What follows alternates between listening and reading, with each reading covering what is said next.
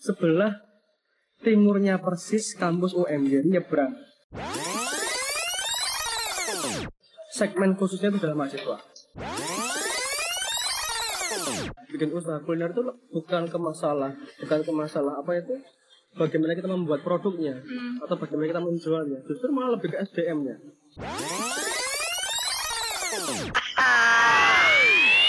Waktunya kamu dengerin PDIP. Ini bukan parpol, tapi podcast. Pak dosen, ikut podcast. Nama saya Yuliani Dwi Astifi, NPM 16133103 kali 66 dari program Sarjana Akuntansi Universitas PGRI Yogyakarta. Jadi di sini kami untuk melengkapi tugas akhir mata kuliah kewirausahaan memang ditugaskan oleh Pak Dani, yaitu salah satu dosen pengampu mata kuliah kewirausahaan untuk membuat podcast atau rekaman dari eh, suatu owner bisnis dan di sini saya eh, pertemuan kali ini akan mengulas seputar bagaimana cara membangun tim yang kuat melalui jiwa kepemimpinan dengan cara pengambil keputusan dan kali ini tema saya yaitu eh, kepemimpinan dan pembuatan keputusan. Di sini saya bersama dengan Kak Zainal Arifin. Mungkin Pak Bani juga mengenal ya siapa Zainal Arifin. Itu teman saya di kampus. salah satunya eh, teman satu kelas di program studi akuntansi. Kak Yainal Arifin itu sudah mulai membangun usahanya, yaitu eh, suatu bisnis touch. Itu seperti makanan sandwich mungkin ya, tapi kalau lebih jelasnya nanti akan diterangkan oleh Kak Yainal Arifin. Halo Kak Yainal Arifin. halo Pak Bani Halo saya dong, masa cuma Pak Bani. Oke, Kak Yuli. Ya, eh, Kak, ini tuh bisnis apa yang sekarang dirintis oleh Kak Yainal Arifin? Oke, eh, bisnis yang sekarang ini saya rilis adalah bisnis eh, yang bergerak di bidang kuliner. Spesifikasinya toast, Mbak. Itu benar hampir benar hampir benar semacam roti sandwich ya. Cuman karena eh, apa itu kata toast itu lebih mengarah ke French toast itu itu kan sandwichnya orang Prancis. Dan sekarang juga nama toast kan juga baru trennya di di Indonesia itu. Pusatnya pusat trennya dari Bandung akhirnya masuk ke Jogja sebetulnya toast beberapa usaha gede pun sudah mulai uh, sudah mulai membuat unit bisnis yang di bidang tos itu biasa kayak kopi janji jiwa sekarang punyanya jiwa tos terus ada yang usaha yang franchise namanya itos nah besok atau sekarang ya nama uh, usaha saya namanya bulan tos Apa Kak? Bul- bulan tos Bulan tos itu diambil dari kata abang. satu kan kata bulan dua kata tos ya Iya. Oke. Jadi kata bulan kenapa bulan? Maknanya kan bersinar terang. Oh. Itu kan harapannya nanti bersinar terang, omset tinggi, semakin scale up, nambah nambah cabangnya. Oke. Tapi saat ini masih satu cabang di Murkeman. Nah, Itu daerah mana ya Kak? Bisa Murkeman diterangkan? itu sebelah timurnya persis kampus UM jadi nyebrang. Jalan ring road Oh, Mbak. berarti itu targetnya segmennya itu kalangan umum atau memang mahasiswa? Oke. Sebenarnya untuk segmen khususnya itu adalah mahasiswa. Segmen targetnya adalah mahasiswa. Satu itu. Yang kedua, ada pun juga nanti family juga nggak masalah. Cocok untuk anak-anak juga bisa Pak? Cocok, kan ada yang manis-manis juga. Oh seperti siapa? Kayak kamu. Maaf ya Pak Bani ini jadi gombal deh. Oke, terus eh, di sana udah ada karyawan mungkin Kak? Iya, sementara baru dua karyawannya. Dua berarti itu di shift atau gimana? Ah, sementara juga masih satu shift. 8 jam. Jam berapa sampai jam berapa? Kita bukanya dari jam 2, Dua sampai 2 siang ya, sampai jam 10. jam sepuluh. Eh, kemudian eh, selama merintis bisnis ini mungkin ada kendala apa gitu, kendala internal maupun kendala eksternal yang dialami selama ini Kak? Oke, eh, untuk kendalanya, ini usaha saya, usaha saya kan belum belum terlalu lama, berdirinya baru sekitar 3 sampai 4 bulan kan. Sampai empat Tapi ya masalah kendala pasti ada. Saya ngerasa bahwa kendalanya bikin usaha kuliner itu bukan ke masalah, bukan ke masalah apa itu, bagaimana kita membuat produknya Hmm. atau bagaimana kita menjualnya justru malah lebih ke SDM-nya Oke. masalah penjualan mungkin di awal-awal ya di awal-awal kita gimana caranya eh, melebarkan pasar bagaimana segmennya itu tahu bahwa kita punya usaha di sini gitu loh tapi lama kelamaan ternyata eh, semakin lancarnya apa itu marketing penjualannya muncul masalah baru yaitu SDM-nya Ya, contohnya masalah SDM itu yang seperti apa ya kak? misal masalah mengenai eh, human error Human error. human error kan jangan nggak sengaja cuman bagaimana kita manajemen risiko agar human error nggak terjadi gitu kan ya Oke. yang sering terjadi satu eh, mbak kartus itu kosong Oh Iya, iya itu kelamaan. Berarti atau itu mungkin harus dengan suhu yang udah ditetapkan gitu. kalau untuk suhunya sebenarnya kita sedang-sedang aja sih kan pakai kompor gas ya Hmm.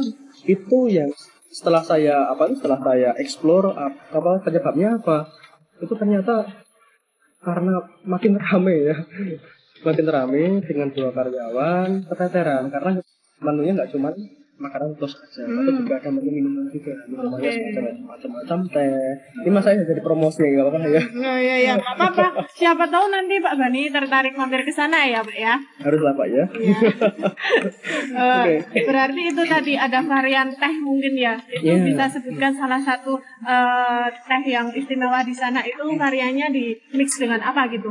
oke dengan minggu minggu minggu tea kita punya eh, menu itu namanya minggu tea Mango tea Iya. itu dengan Ngerasa sirup. mangga? Oh, tapi itu basicnya juga sirup kan Kak ya ya? sirup ya Sirup mango. Siapa tahu jus mango dicampur dengan teh ya. kita sebenarnya nggak masalah bang ngasih buah beneran cuma nanti masalahnya adalah ketika nggak musim iya Kita juga harus manajemen itu kan ya Oh iya iya iya. Tapi kan bisa diganti dengan buah lain mungkin. ya masa selain mangga itu apa namanya Durian. Durian. Namanya durianti lah ya Oke, kembali ke touch tadi ya. Iya. Itu tadi eh, berarti memang masalah internalnya itu yaitu human error ya. Human error, iya. Nah, eh, terus gimana sih cara Kak Ipin itu eh, menanggulangi human error itu? oke pertama saya kan tanya dulu sama SDM-nya kenapa kok salah kenapa kok customer-nya komplain terus kenapa kok banyak barang yang waste atau terbuang? Kalau bosan ya masih mau dijual kan enggak jadi dibuang nah peningkatan waste kan nanti kan kelihatan tuh di Excel. Sebenarnya saya pakainya Excel gitu. Ya Hmm. Ya kan untuk input semua stok dan pengelola apa eh, termasuk keuangannya. Hmm, hmm. ternyata pusat punya itu karena memang semakin ramai apalagi kalau pas pas jam jam makan malam. Kan benar dari jam 2 sampai jam 10 itu kan ya ketabrak jam makan malam. Jam makan malam itu meningkat. Apalagi tempatnya itu memang tempat-tempat tempat nongkrong gitu kan.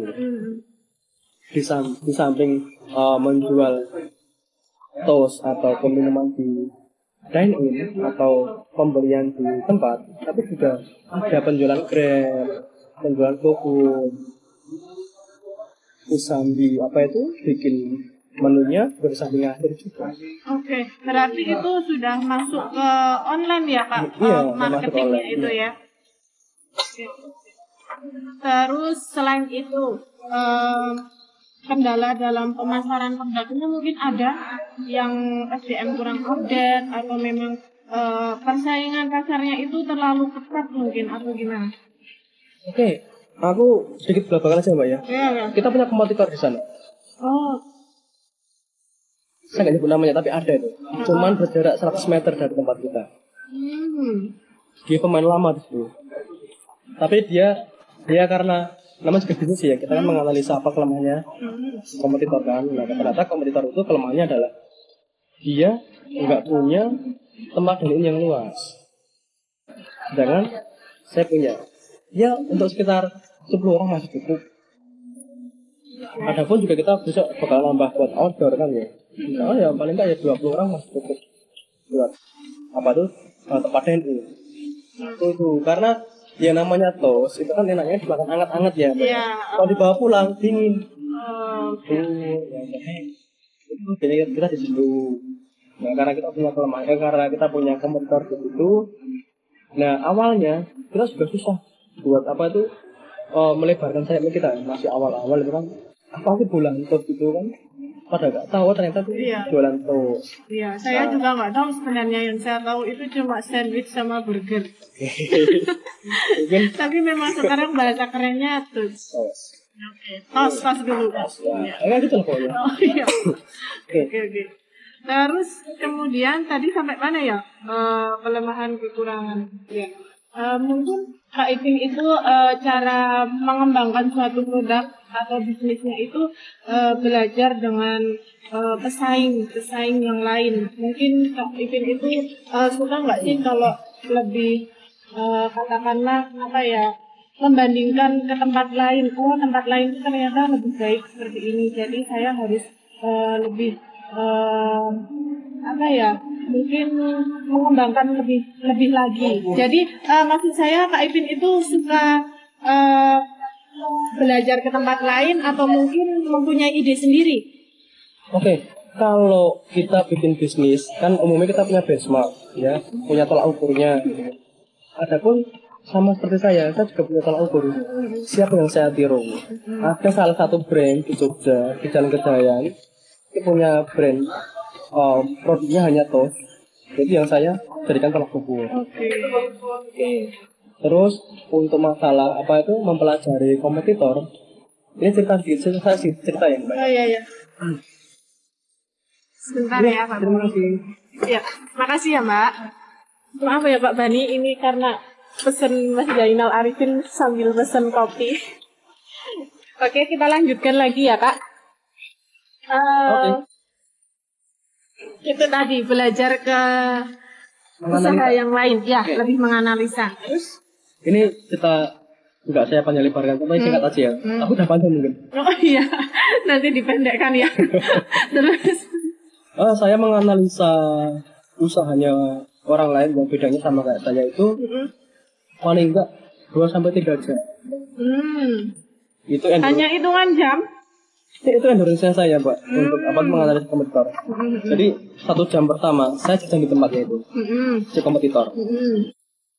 Saya hitung itu siapa oh, berapa aja eh, customer yang jajan di situ. Mm, Termasuk yang driver-driver ya, Mbak ya. mm. Satu jam pertama saya makan, saya makan sama sambil minum ya, sambil ngitung berapa Gojek atau Grab yang datang ataupun customer dan yang datang, saya hitung semua itu. Ngitungnya pakai kertas belakang aja kayak pemilu tuh mbak.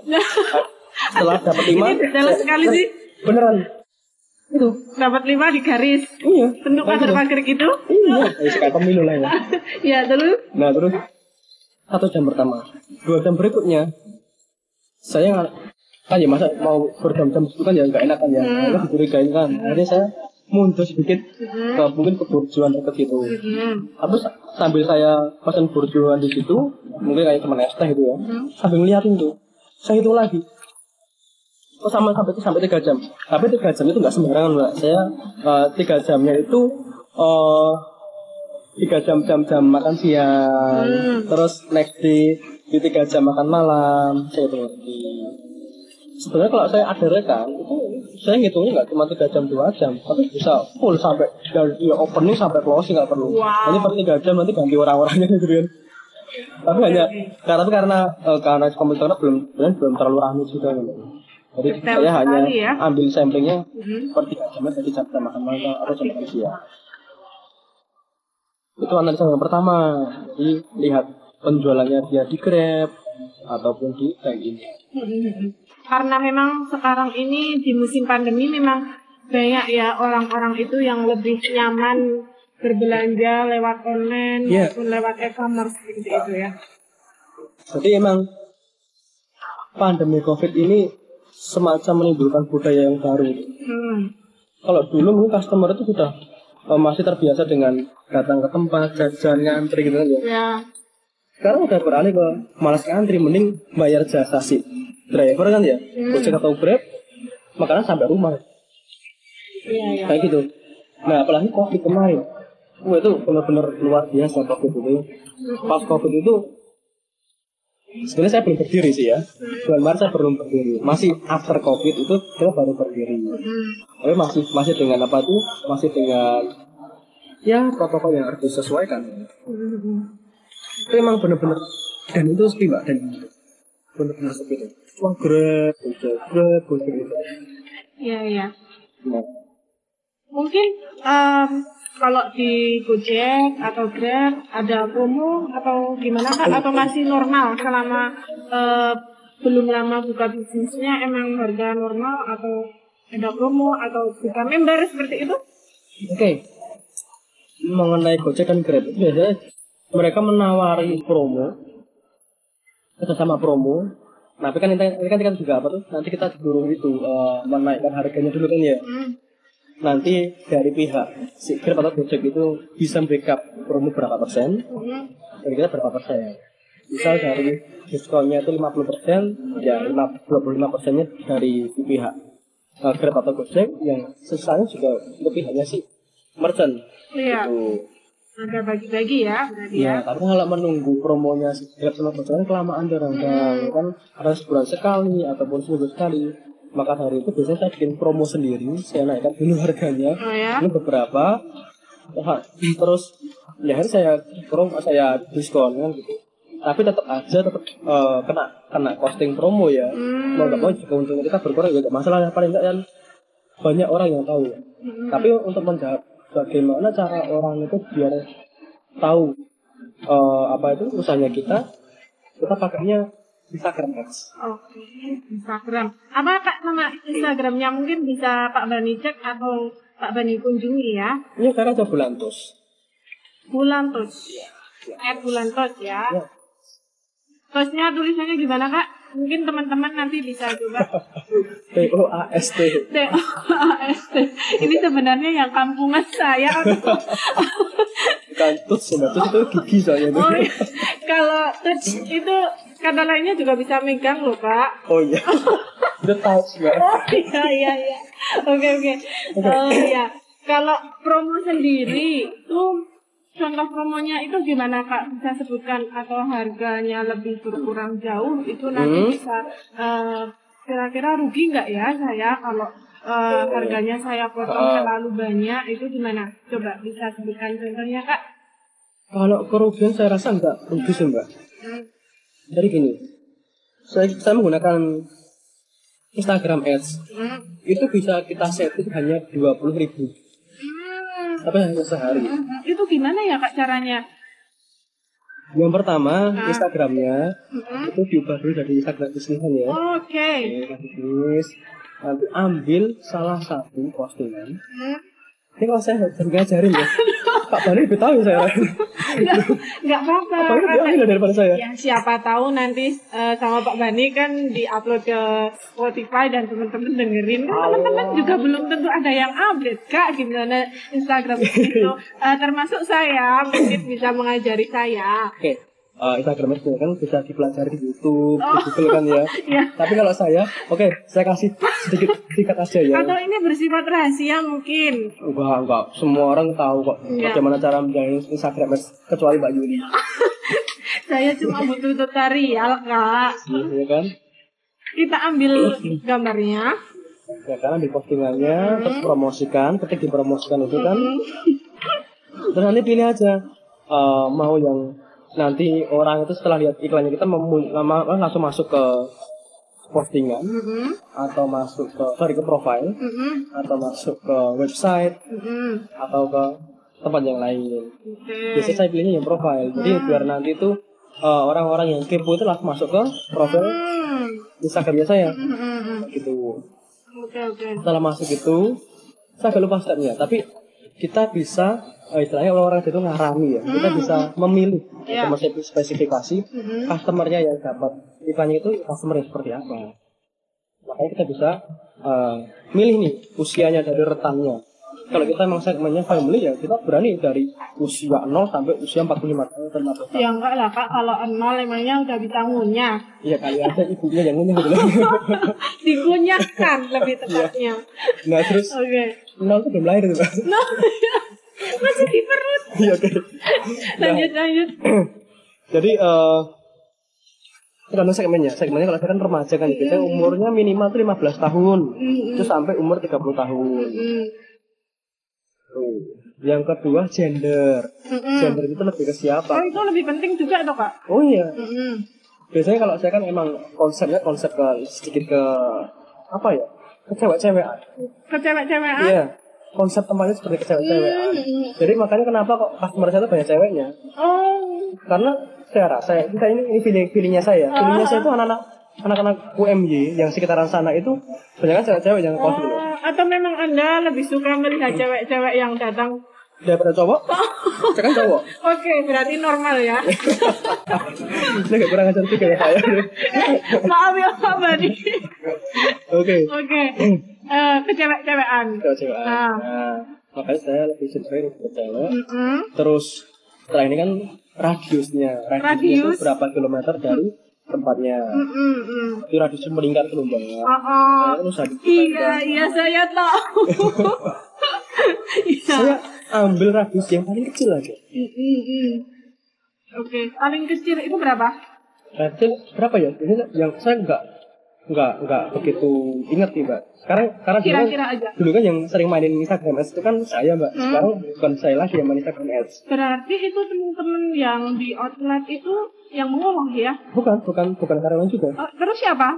Salah satu rekan saya juga. Oh, oke oke oke. Tapi Berarti ini hanya- join ya? Enggak enggak join juga. Nah, terus gimana? Oh, sejenis. Kita pakai jasanya teman kita gitu. Hmm. Ya nanti ntar kan di akhir bulan kita kasih berapa fee-nya gitu. Ya harga teman Kenapa sendiri. dikerjakan sendiri sih Mas Ipin? Saya kan masih ngedan skripsi pak. Eh pak. Oh ya, Jadi apa sih? Kapan kelarnya dikejar? Saya tunggu-tunggu. Kejar ya. Kayak mengejar wanita. ya, semoga lekas kelar ya skripsinya mesinnya. amin. Eh, tadi sampai mana ya? Oke, Eh, sampai radius ke sudah ya. radius sudah. Hmm.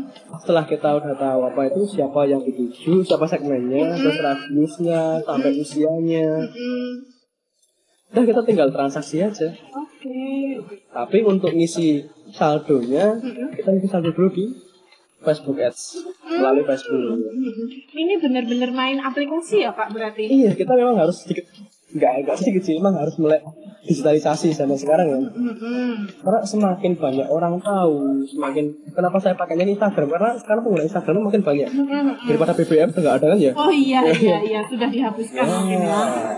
Nah, Oke. Instagram yang paling paling paling oke sekarang usernya kan ya. Hmm, hmm.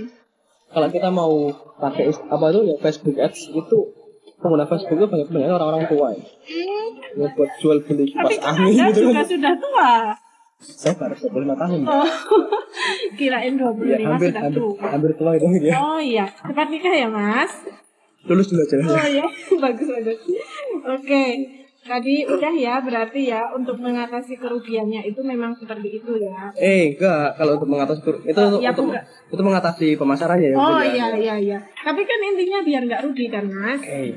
Kalau mengatasi kerugian kita anggarkan eh, 10% dari omset setiap bulannya. 10% dari omset. Sorry, dari net profit. Oke, bisa ceritakan? Iya, nggak malah dia dia. Nggak malah saya bongkar rahasianya. Ya harus dong. Jadi eh, ini kan saya kan sebenarnya juga usahanya bisa dibilang join tapi nggak join join banget sih ya. Semi semi join. Semi semi. semi semi join. Jadi join. Saya kan kalau disuruh bikin usaha dengan dana yang lebih dari 5 juta kan sudah nggak ada uangnya. Lebih ke investor saya. Oh. oke. Jadi investornya dapat sekian persen setiap bulannya itu. Mm, mm. tapi nggak gede sih. Nggak gede kok. Nah terus ada anggaran 10% itu dari net profit. Itu saya anggarkan untuk kayak misal uh, nutup kerugian kayak barang-barang waste itu kan bikin rugi ya mbak ya? Mm. terus untuk kerugian satu yang kedua untuk upgrade upgrade apa itu peralatan interiornya dan sebagainya. Misal kayak kalau saya mau beli meja kursi untuk yang outdoor kan juga harus ada anggarannya. Daripada nambah modal kan ya? Iya betul. itu terus kalau ada sisa lagi tetap dikip nanti next buat tambah cakap amin Amin ya Allah, amin. Oke. Eh, berarti sekarang baru ada satu outlet ya. iya betul betul. Semoga usahanya cepat berkembang ya kak. amin amin Oke, kemudian ada yang ingin saya tanyakan lagi. oke Gimana sih kak caranya itu eh, membangun jiwa kepemimpinan, kepemimpinan untuk tim yang lebih kuat mungkin bagaimana sih suatu tim itu bisa bekerja sama antara teman satu dengan teman yang lain dan Hmm. usahanya itu eh, tetap berkembang. Gitu. Oke. Masalah kepemimpinan ya. Mm-mm. Saya sendiri pun sebenarnya juga ragu apakah leadership saya itu bagus apa enggak. Hmm. Tapi saya selalu memberikan kepercayaan penuh terhadap karyawan saya. Hmm. Jadi ketika karyawan itu diberikan kepercayaan penuh, dia akan meng- mengeksplor sendiri kemampuannya. Hmm. Bahkan beberapa kali saya dapat insight itu dari karyawan, misal kayak bikin menu baru, terus dapat apa lagi? Konsep baru misal, ide-ide baru dari customer kan ya pemain lapangannya kan ya mereka mereka bukan Iya. saya kan gitu. Yang tahu juga mereka gitu. Misal customernya ngeluh kok nggak ada bak sampahnya toh atau bak sampahnya kurang gede toh akhirnya saya juga dulu bak sampah yang gede gitu loh mbak. Hmm, contohnya seperti itu Ya, ya. jadi berikan karyawannya kepercayaan penuh. menurut saya. Kepercayaan penuh ya intinya untuk Full, membangun percaya. suatu tim ya. nggak usah bertele-tele kita tanyain misal apa itu itu bener nggak tuh customer apa minta bak sama gede jangan kamu bohong kita nggak percaya batin gitu Ya. ya kita harus percaya Mm-mm. kalau kita bener-bener customernya mintanya bak sampah yang gede yang kita belikan ka- eh, karyawannya merasa dihargai Oke. merasa diapresiasi oh suara wih dengar toh oh, suara diturutin toh berarti suara benar Berarti semua itu kembali ke pelayanan customer ya kak sebenarnya. iya lebih ke apa komunikasi karyawan sama customer Iya, karena penilaiannya itu juga dari customer itu Mm-mm. sendiri. Oke, kemudian ada lagi yang ingin saya tanyakan. Eh, banyak amat ya perasaan ya Iya, karena memang ini didurasi sama Pak Bani. Pak Bani ini saya nggak ada persiapan ya Pak ya, jadi agak ngawur bahasanya jadi mohon maaf. Oke, Eh, nggak apa-apa lah. Yang penting saya bisa ketemu sama Kak Arifin, bisa belajar bagaimana merintis suatu bisnis melalui jiwa kepemimpinan. Kemudian, eh, untuk membangun kasih dalam membangun tim yang lebih kuat itu tadi ya Pak. Iya. Eh, tadi kan ada masalah internal, masalah eksternal. Nah, itu bagaimana sih Kak Arifin itu cara menyikapinya dalam eh, membuat keputusan atau mengambil suatu keputusan biar eh, teman-teman tuh tetap kerja secara lancar. oke. Mau naik keputusan ya, Mm. kan alangkah baiknya keputusannya yang dibuat oleh seorang owner itu ya kan berdasarkan keuangan. Kita lihat kalau misal kita harus nambah satu investasi peralatan, ya kita mau nggak mau harus lihat dulu omsetnya, lihat dulu fixed cost-nya apa aja misalnya. Nah, satu itu. Yang kedua, setiap kali kita mau ambil keputusan, kita pasti minta dulu uh, pertimbangan dari karyawan. Sekali lagi, karyawan yang lebih tahu lapangan. Karyawan lebih tahu siapa customernya, bagaimana sikap customernya. Kok dirasa saya belinya misal, saya disuruh beli apa itu? Oh, sorry. Tuh, Misalnya kayak masang, ma- masang, masang apa itu? Masang musik ya Mm. saya pengennya musik yang ini instrumen aja lah instrumennya kayak piano buat makan itu kan nyaman tuh ya Mm. ternyata setelah karyawan saya ngasih insight ternyata di sini tuh customer bukan hanya bukan bukan yang kayak gitu tapi lebih lebih ke indie indie ya Akhirnya saya kan juga masanya lah lebih yang indie gitu Hmm, tapi Kak Arifin itu suka indie juga nggak? sedikit ya. Kalau suka nanti saya ajak nonton. Nah, saya lebih suka itu ya mas saya lebih ke rock and roll sekarang yang enak yang rock. yang underground gitu saya lebih gitu loh iya gitu. hardcore hardcore gitu ya iya lebih gitu saya orangnya itu gitu keras kak alirannya kalau indie kan halus mulus Ya penting gak sesat ya Pak ya alirannya. iya iya iya iya iya oke iya iya Eh, kembali lagi ke eh, minta pertimbangan dari karyawan yang semuanya itu yang kedua. diserahkan dari customer oke Yang ketiga lagi Pak. oke ada yang ketiga Kita lihat wilayah kita. wilayah sekitar itu yang seperti apa Misal kita eh, ambil keputusannya gini misal. Kita mau nambah eh, melebarin outdoor gitu Mbak ya. hmm. Outdoornya mungkin tambahin meja, tambahin kursi dan sebagainya. Nah kira-kira nah uniknya Mbak di tempat itu saya kan itu modelnya kayak food court. Hmm. Jadi setiap setiap apa tuh setiap food court itu punya lahan outdoor sendiri-sendiri. Hmm. Oke, paham Eh, kalau saya nggak lihat sekitarnya saya, bisa-bisa saya matras datanya dia dong, Hmm, hmm. ya kan? Hmm. Jadi mungkin hanya bisa nambah dua meja, empat kursi. Sorry, dua meja, delapan kursi. dua meja 8 kursi berarti satu meja empat kursi Iya, gitu. Kalau kita nggak lihat sekitarnya bahaya itu. Hmm.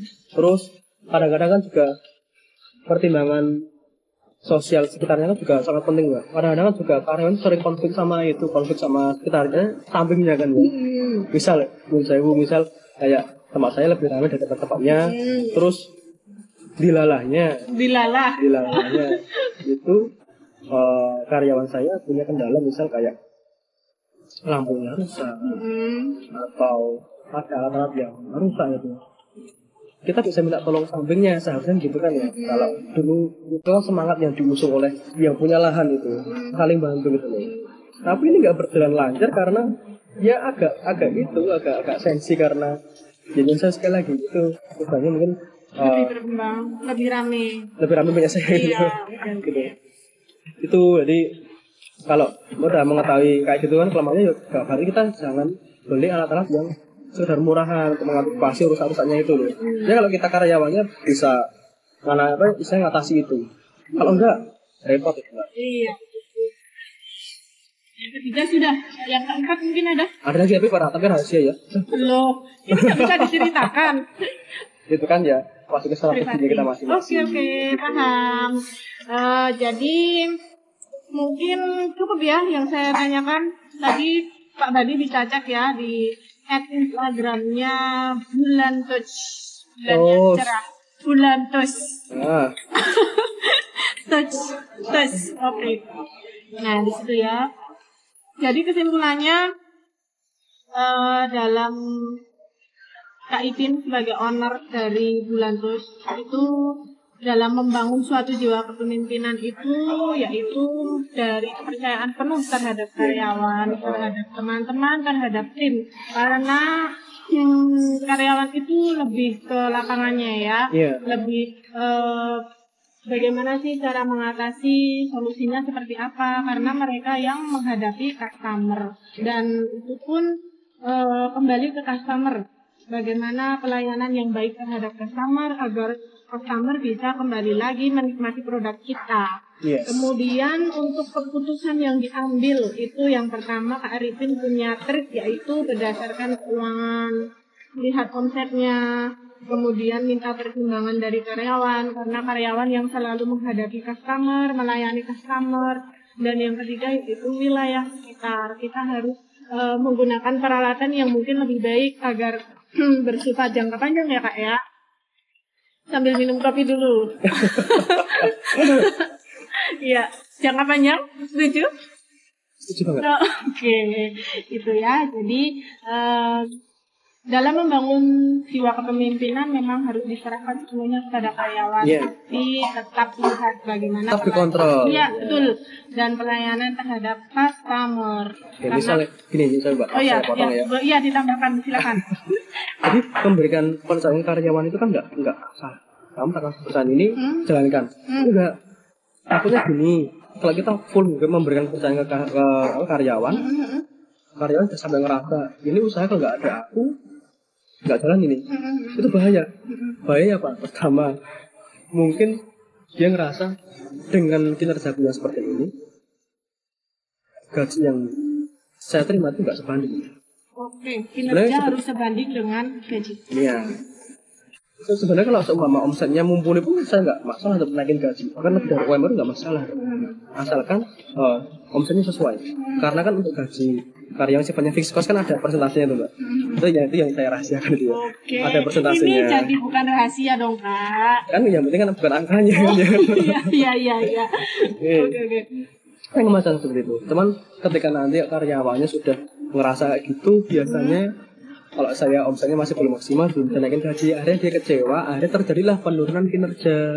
Satu, yang kedua, terus semacam kayak eh, memberi kepercayaan ke karyawan itu kan bisa kayak ketika karyawan bisa belanja, belanja sendiri gitu. Kan juga berdua.